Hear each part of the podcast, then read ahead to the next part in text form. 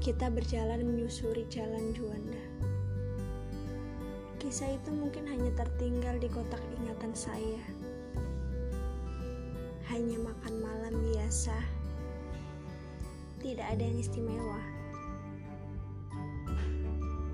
Tapi itu jadi istimewa.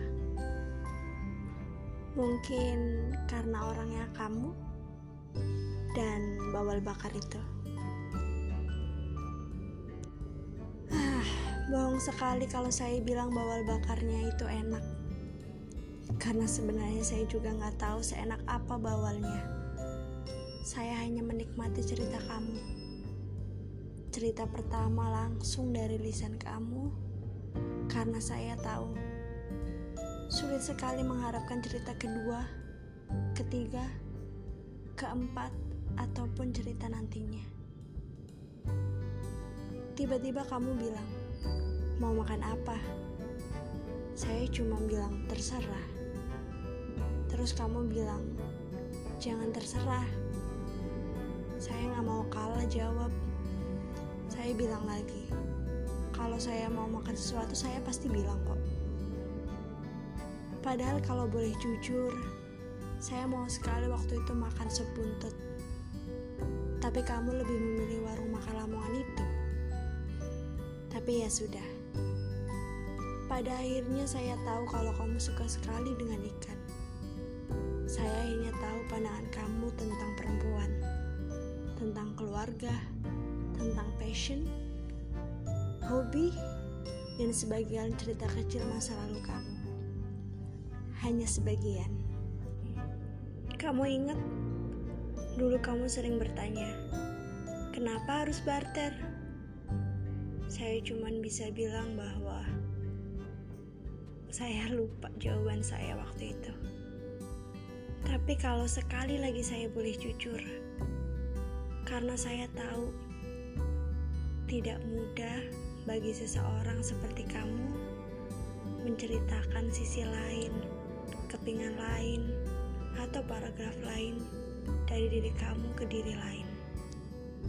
Saya tahu itu bukan hal yang mudah bagi seseorang seperti kamu. Terkadang saya menemukan sebuah kejujuran dalam tulisan. Saya nggak tahu, tapi saya rasa tulisan kamu lebih jujur dibanding saya harus menebak-nebak apa yang kamu ucapkan, apa itu benar yang kamu lakukan, atau apa itu benar yang kamu pikirkan.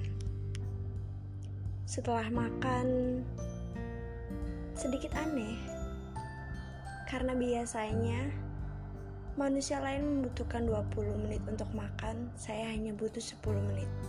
Tapi itu nggak terjadi pas kita makan. Nggak tahu kenapa kamu lebih cepat makan daripada saya.